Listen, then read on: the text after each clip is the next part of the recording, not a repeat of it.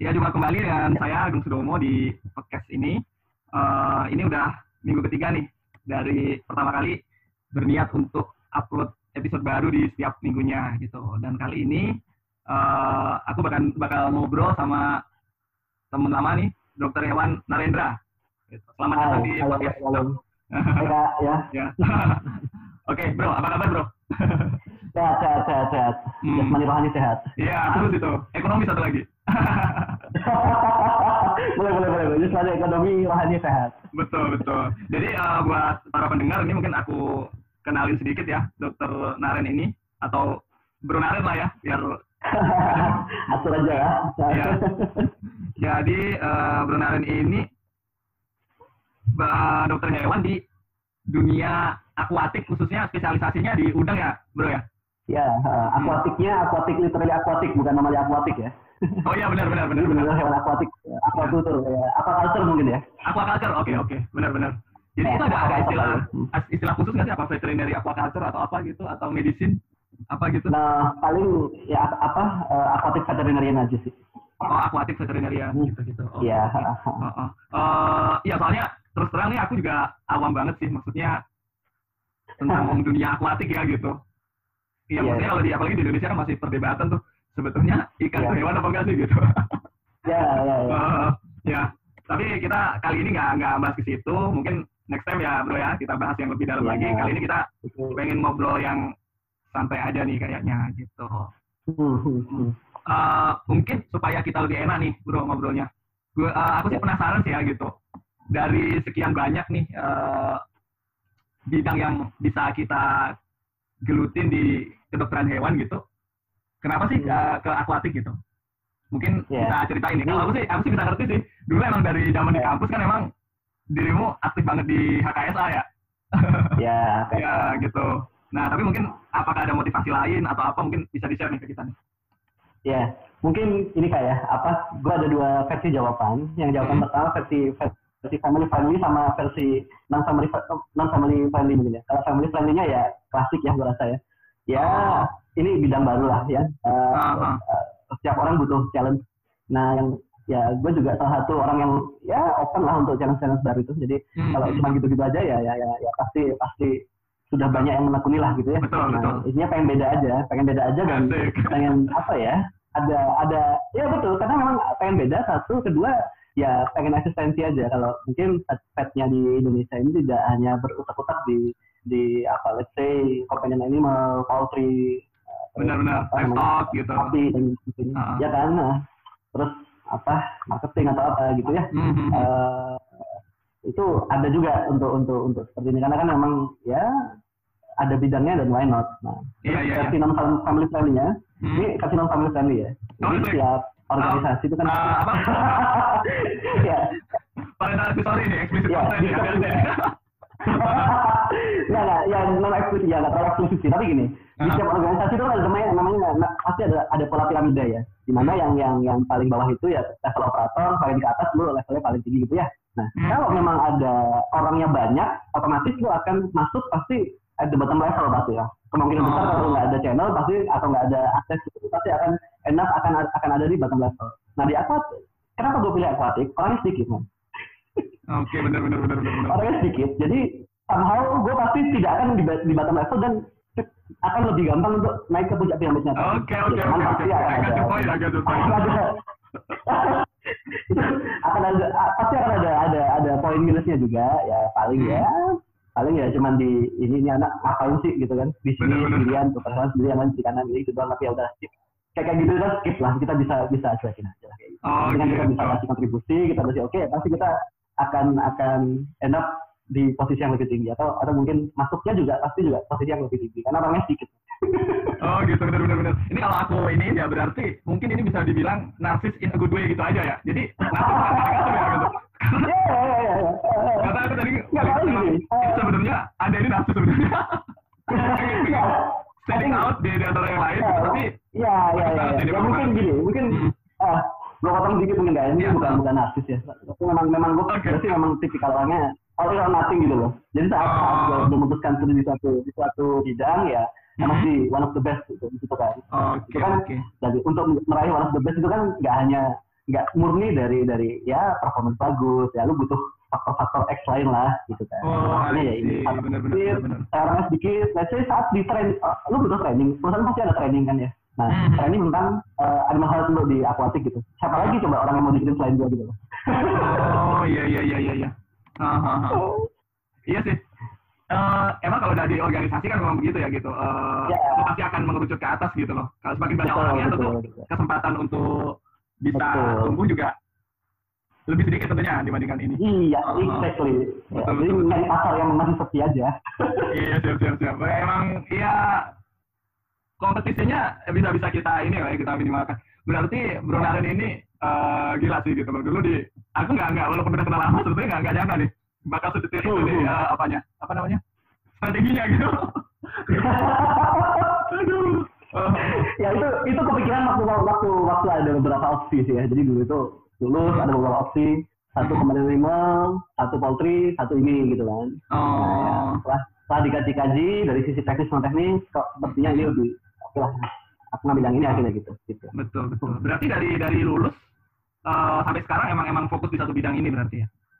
Ya ya. ha, Hmm, hmm, hmm, luar biasa sekali sih. Mungkin ini bisa dicontoh juga nih buat para pendengar ya gitu yang mungkin atau mungkin yang belum lulus gitu mungkin bisa juga nih di, di dicuri nih ilmunya.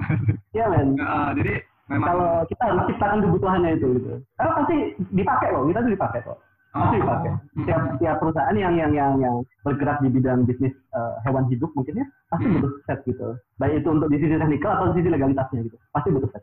Oh iya iya iya. Ah, aku tertarik nih kita kita kayaknya eh, berbelok sedikit nih gitu. Kalau di Nah, bidang legalitas iya. itu kita juga berarti emang regulasinya seperti itu itu regulasi Iya. Indonesia apa regulasi internasional atau? Eh kalau internasional gue nggak terlalu kopi kayak tapi kalau di Indonesia sendiri untuk di akuatik ya pengelolaan obat-obatan gitu gitu harus ada sign dari dari vet dari dokter hewan jadi misal di satu hatchery gitu ya hatchery lu pakai desinfektan pakai pakai food additive itu harus ada vet yang yang yang handle gitu yang mengetahui lah gitu kalau di hatchery pakai dia Oh, iya. ini gitu. Oh begitu. Ya ini informasi baru nih terus terang nih.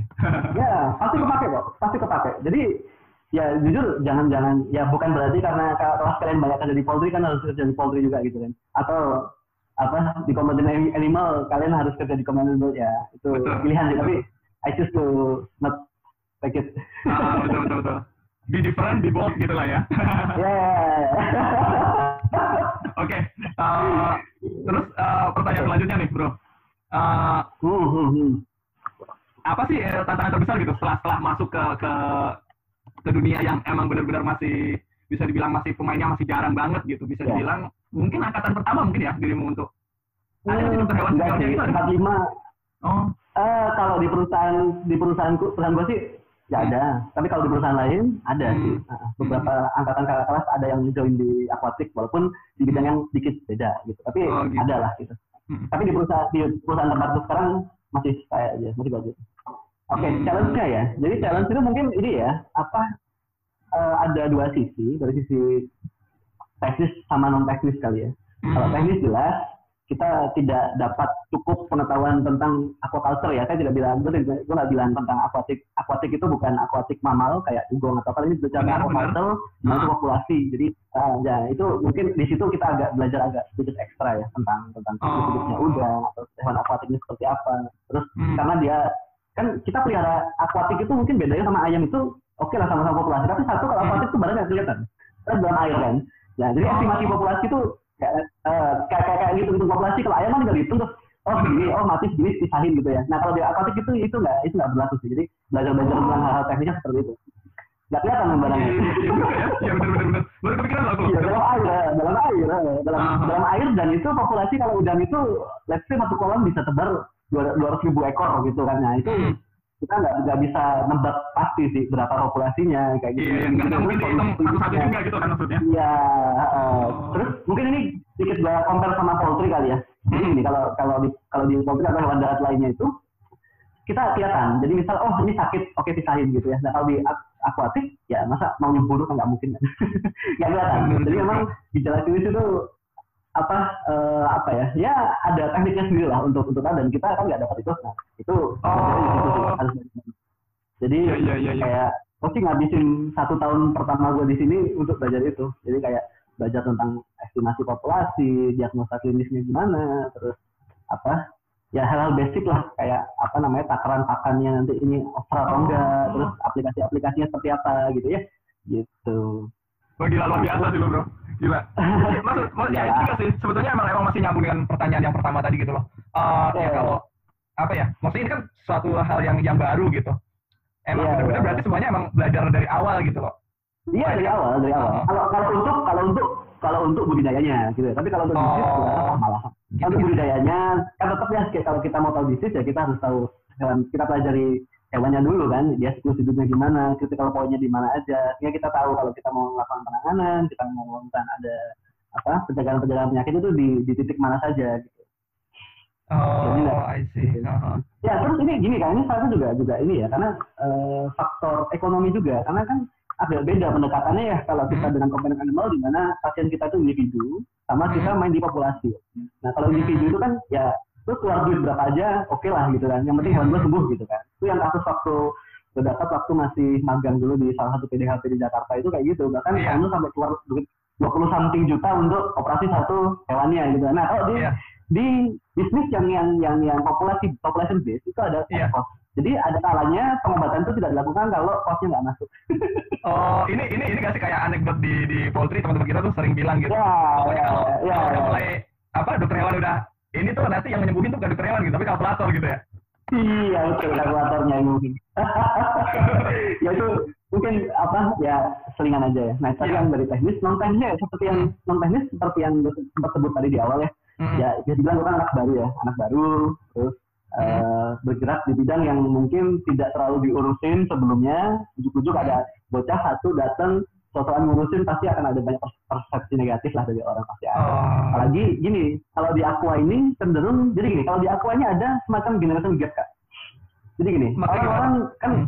generation gap itu orang-orang yang menjadi teknisi. Teknisi itu kayak foreman lah gitu kalau di poultry ya. Foreman Hmm. atau teknisi itu, Hmm. dia itu umurnya 40 ke atas semua. Jadi either dia 40 ke atas atau di bawah 30 gitu. Jadi yang 30 40 ini nggak ada nih gitu kan. Oh, berarti angkatan gue Nggak ada. ada. Nggak ada.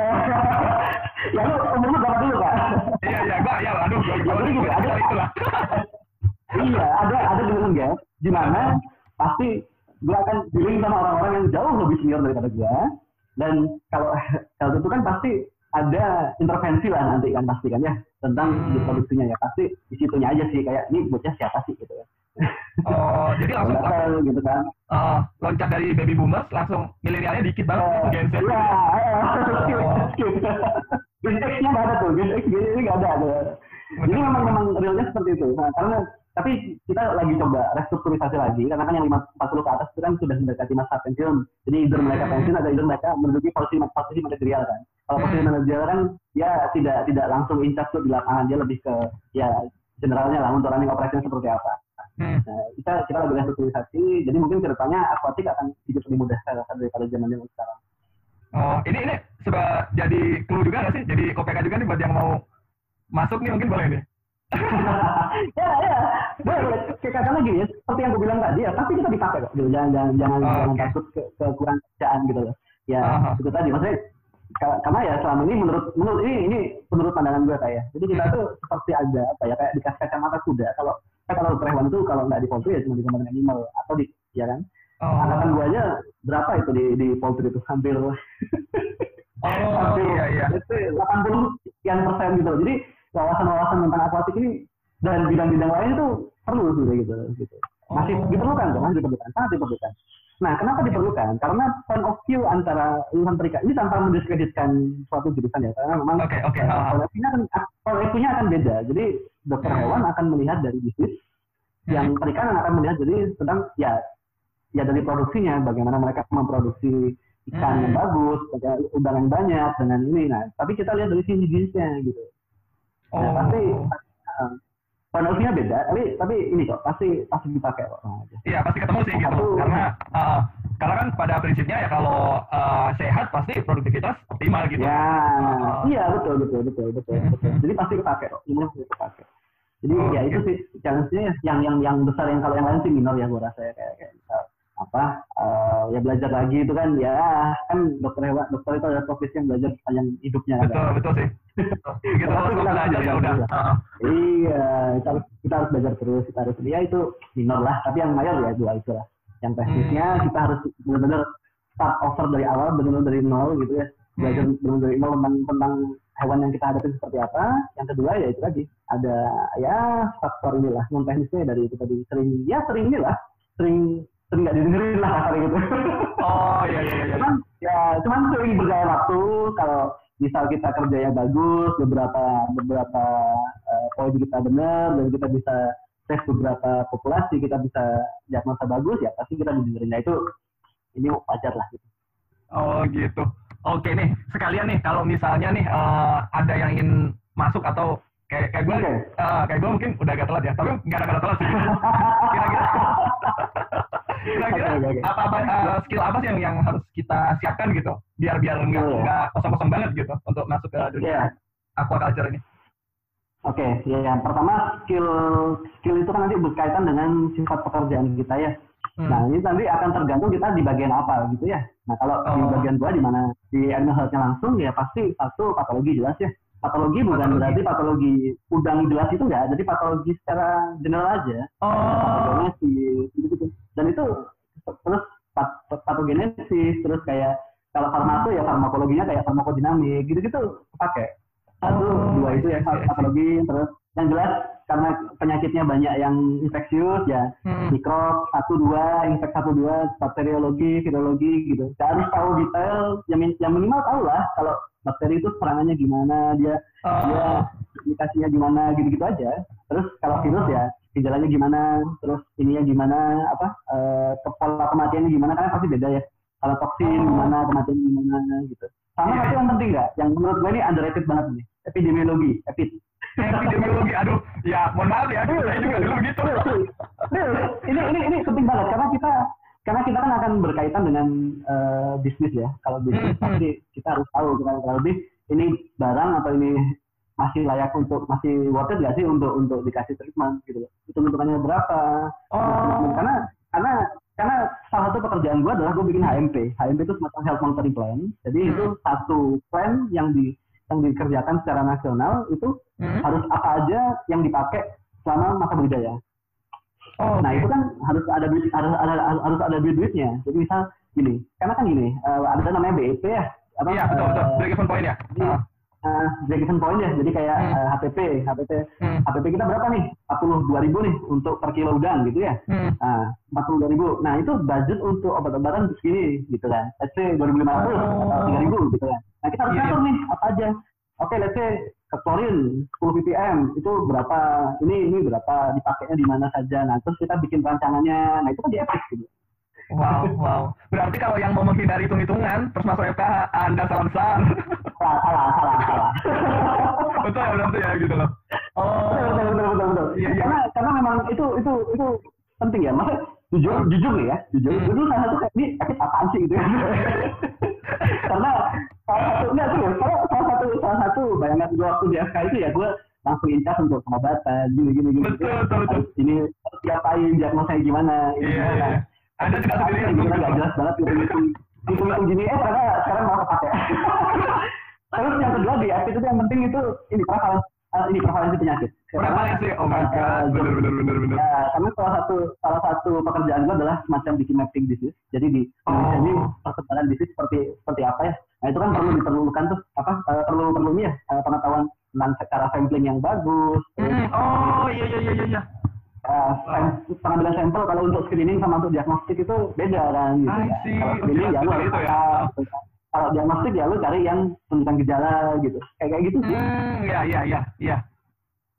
Oh wow, ya, aduh gue gue gak bisa kata-kata. Ya, serius serius ini semua maksudnya ya, uh, okay. apa ya?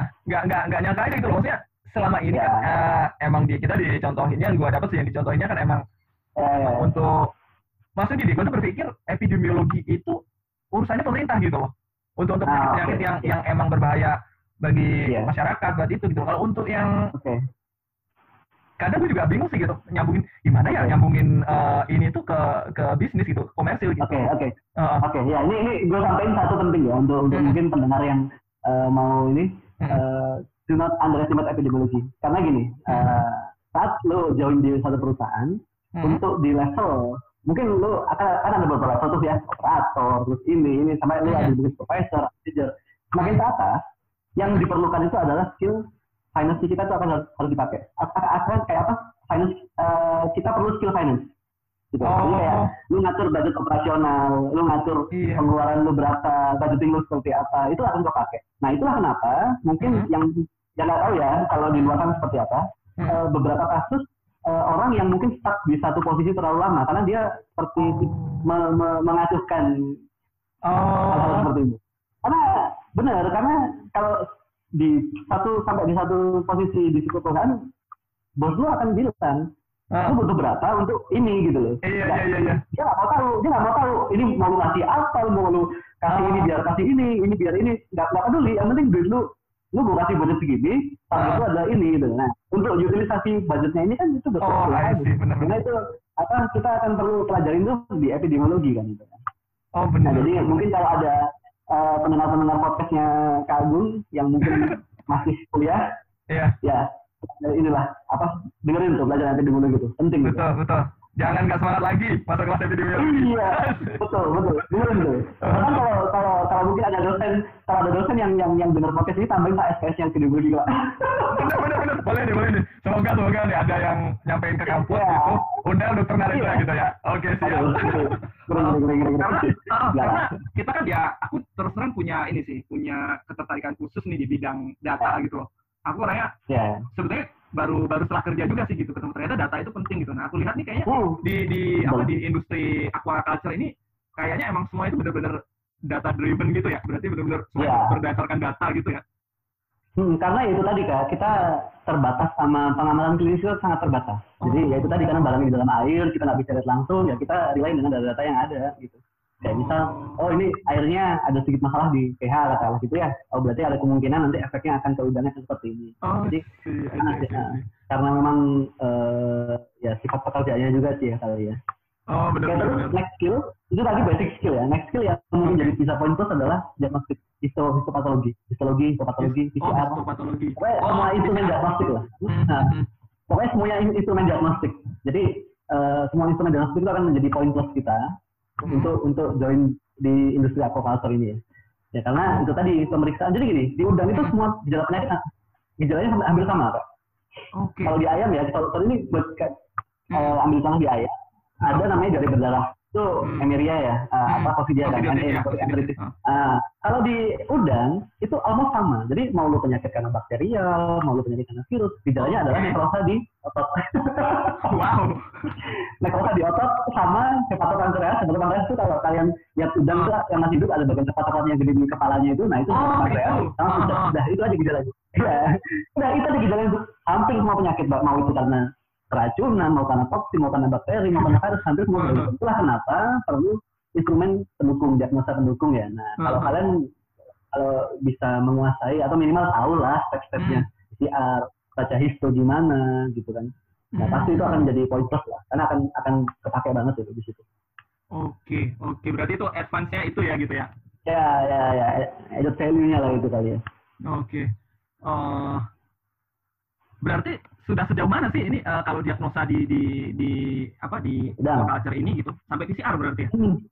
Iya, terakhir kita sequencing sudah sudah sudah mulai masuk ke sequencing. Cuman wow. uh, gua nggak gua nggak gua nggak terlibat, hmm. tapi hmm. ada ada beberapa company dari luar dari Thailand itu mereka hmm. ada semacam task force dari pemerintah mereka melakukan sequencing terhadap uh, disease virus ya. hmm. ya itu mau lihat tren-trennya seperti apa itu aja sih kalau real time PCR tuh udah ya sehari-hari lah itu deh. Wow, mainannya real time PCR, PCR guys. Ya men. Kenapa ini ini ini ini ini ini salah satu salah satu exit lagi ya, karena karena hmm. karena kita karena pekerjaan kita akan banyak pekerjaan di aqua nanti akan banyak terkait dengan screening. Nah kalau kalau screening itu kan satu syaratnya adalah sensitivitasnya harus tinggi, spesifitasnya oh. harus tinggi. Nah, goldennya kan oh. PCR, mau filter PCR gitu. Betul. Jadi bukan karena gaya-gayaan, karena kebutuhan emang gitu, karena kebutuhan oh. pekerjaan gitu. Iya iya iya. Iya sih emang emang sensitivitas dan spesifitas yang Iya, PCR sih, spesifitas, gitu. spesifitas. Iya, Oh. itu itu data PCR. Itu itu penting banget itu. Kayak gitu. hmm, itu sih jadi histologi kayak gitu kapan kapan kita harus pakai histo kapan enggak jadi kan kita bukan berarti kita harus pakai semuanya kan ya. Itu di situ bedanya bedanya kita sama yang lain ya.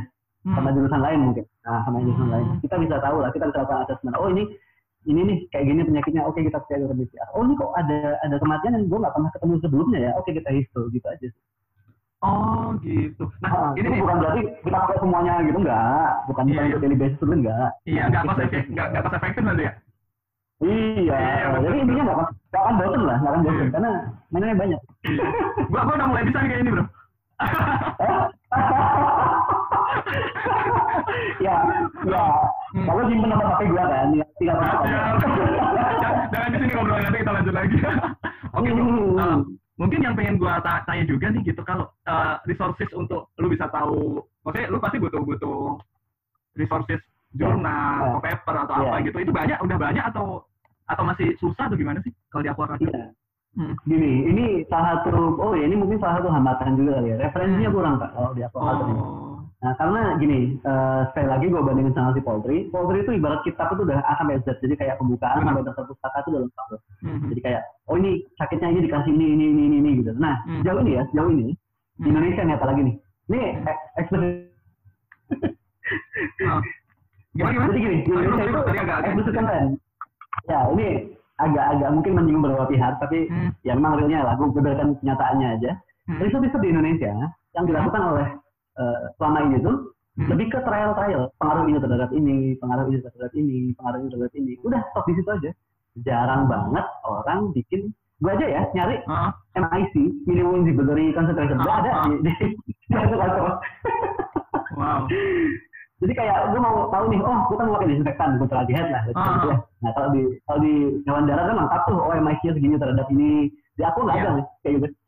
Nggak ada. Jadi riset-riset aqua yang yang sekarang ada di Indonesia itu lebih Ah. ke efek ini terhadap ini, efek ini terhadap penyakit ini dan itu penyakitnya pun gini, penyakitnya yang diamatin tuh bukan gejala penyakitnya enggak, tapi lebih ke survival. Dan kita tahu survival itu kan banyak faktor kan. Oke lah Iya, mereka iya, iya. pelihara di lingkungan lingkungan lingkungan, terkontrol, tapi Hmm. ya harusnya bukan itu gitu loh, bukan itu yang yang yang yang, yang dicek gitu loh. Hmm, itu ada pengaruh karena obrolan kita di awal point of view tadi nggak sih? ya betul point of view. Jadi jadi beberapa ya beberapa orang yang masuk kategori senior Iya, nggak ngerti mas MIC itu apa. iya, iya. Oh, iya, iya, benar, benar, benar. Saya mau uji MIC, MIC itu apa ya? Aduh. Oh. kita butuh MIC untuk kalau kalau kita mau nyoba ini kalau kita pakai itu butuh MIC. Bahkan withdrawal time Hmm. nggak tahu. Banyaknya nggak tahu.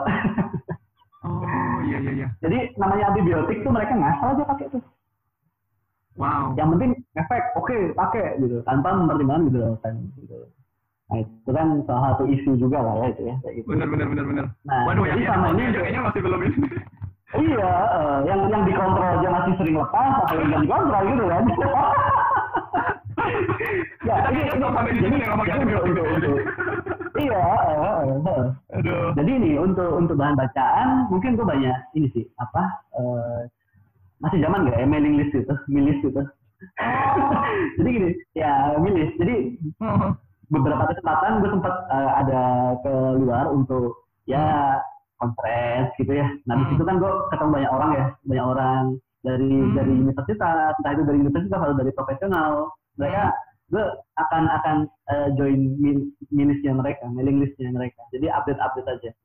Oh, Terus gitu. kayak ada kayak ada ini apa eh, apa sih kayak eh, perkumpulan tidak resmi, organisasi tidak resmi gitu lah. Jadi Oh, kayak oh ini gitu. sama-sama yang bekerja di bidang ini. Oke nih kita bikin grup yuk gitu. Gitu. Oh. Jadi lebih ke dari situ sih. Ya untuk untuk jurnal di jurnal-jurnal yang di Indo ya ya ya ya Ya. ya buat inilah apa? Ya. Ya, saya mengharapkan bacaan aja lah bukan untuk referensi bukan untuk referensi ya bacaan aja. Kira-kira orang ini pada ngapain sih sekarang di Indonesia ini aja jadi Oh, bukan oke. buat referensi jangan jangan buat referensi.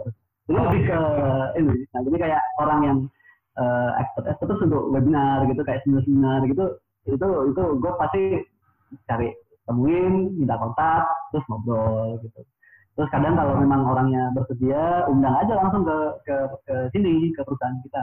Oh, ke kantor gitu ya? Lah gitu. Oh. Iya, uh, upgrading banyak kok yang maksudnya sponsor-sponsor banyak gitu dari sponsor aja. Misal misal ini pakai ini nih gitu kan. Ngobrol aja sama yang punya barang tuh. Wah, gue pakai barang lu segini, ntar datang ini ya gitu kan. Oh, gitu. Iya, iya, iya, iya. Iya, ada ada, banyak banyak cara lah. Nah, Iya, ini iya. kalau untuk jurnal Indonesia ya skip lah. Gue bilang skip aja gitu. Hmm, jadi kalau gua rangkum tadi berarti emang dari milis tadi networking berarti ya networking penting banget. Ya, networking, Oh, networking. betul.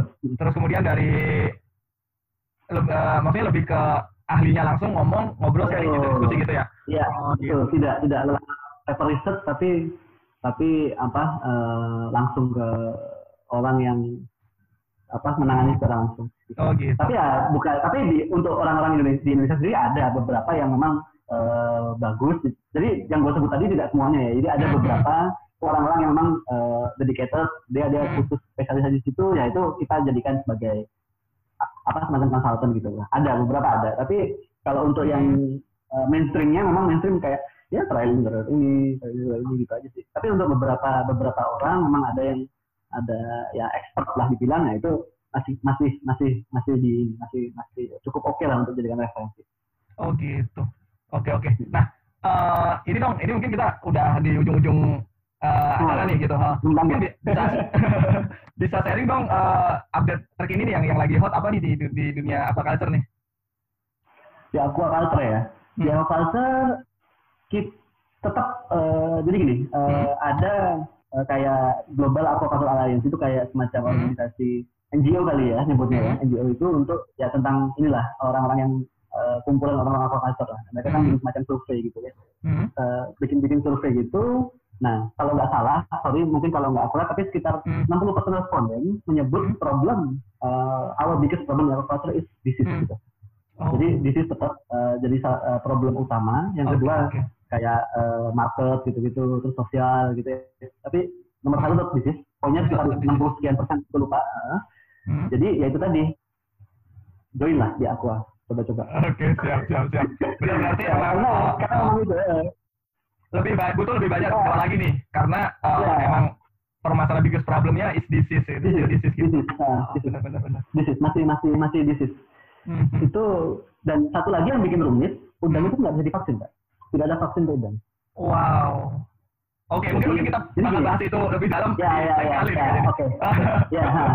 jadi jadi ada ada beberapa poin yang menyebabkan disease menjadi nomor satu yaitu Hmm. karena memang tidak ada vaksinasi untuk udang jadi kita Oke. ada di ada ada teknik lain lah untuk itu tapi ya Mhm. tetap namanya vaksin kan tetap yang paling bagus lah ya Betul, betul, betul. pencegahan yang paling bagus vaksin kan kalau di Hmm. luar itu ya kita hanya bisa semacam ya preventif biasa aja gitu nah makanya itu Oke. masih di disease nah, masih di Hmm. disease nah disease itu eh sama ini kak ada tentang eh, ini semacam apa ya eh, eh, perdagangan bebas kali ya apa eh, free trade gitu Hmm. jadi itu isu yang paling bagus jadi ada beberapa negara itu Hmm. ya kayak aturan karantina biasa lah kalau kalau satu negara itu free terhadap penyakit X maka dia Oh. punya semacam hak untuk mengembargo mengembargo apa Oke. eh, barang masuk dari negara yang ada penyakit X gitu ya nah Oh, di Indonesia I ini see. kami nih isu-isu kayak gitu tuh lagi seru tuh either Oh. kita declare or not gitu nah itu lagi lagi lagi lagi panas tuh Oh, gitu. iya iya iya.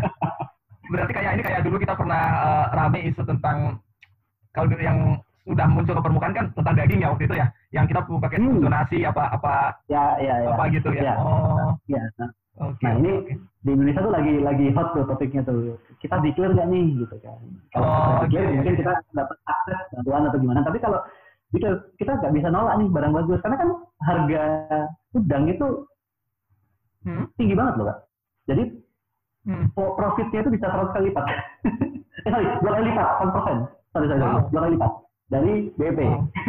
Wow. nah, kenapa yang, yang bisa melindungi itu kan karena kita menjaga eh, barang yang beredar ya di sini sini aja. Jadi demand apa eh, supply-nya kan jelas ya, terkontrol lah gitu ya. Nah, kalau Oh. kalau kita lift embargo itu takutnya akan ada oversupply yang akan bikin harga itu jadi turun gitu aja. Oh gitu. Itu aja yang yang lagi yang lagi ngetren itu. Kalau untuk teknologi teknologi ya gitu, gitu aja lah masih kita belum ada belum ada yang belum ada yang apa breakthrough banget belum oh gitu ya ya. Tapi itu itu udah udah uh, latest teknologi sih menurutku udah udah artificial yang sekarang apa lagi gitu? Yeah, yeah. emang emang teknologinya belum ada aja kayaknya. Belum belum ada belum ada aja. Jadi masih makanya masih masih masih hmm. belum ada yang breakthrough banget lah. Lebih okay. ke isu-isu seperti itu. Ya yang bikin rame kan gitu-gitu.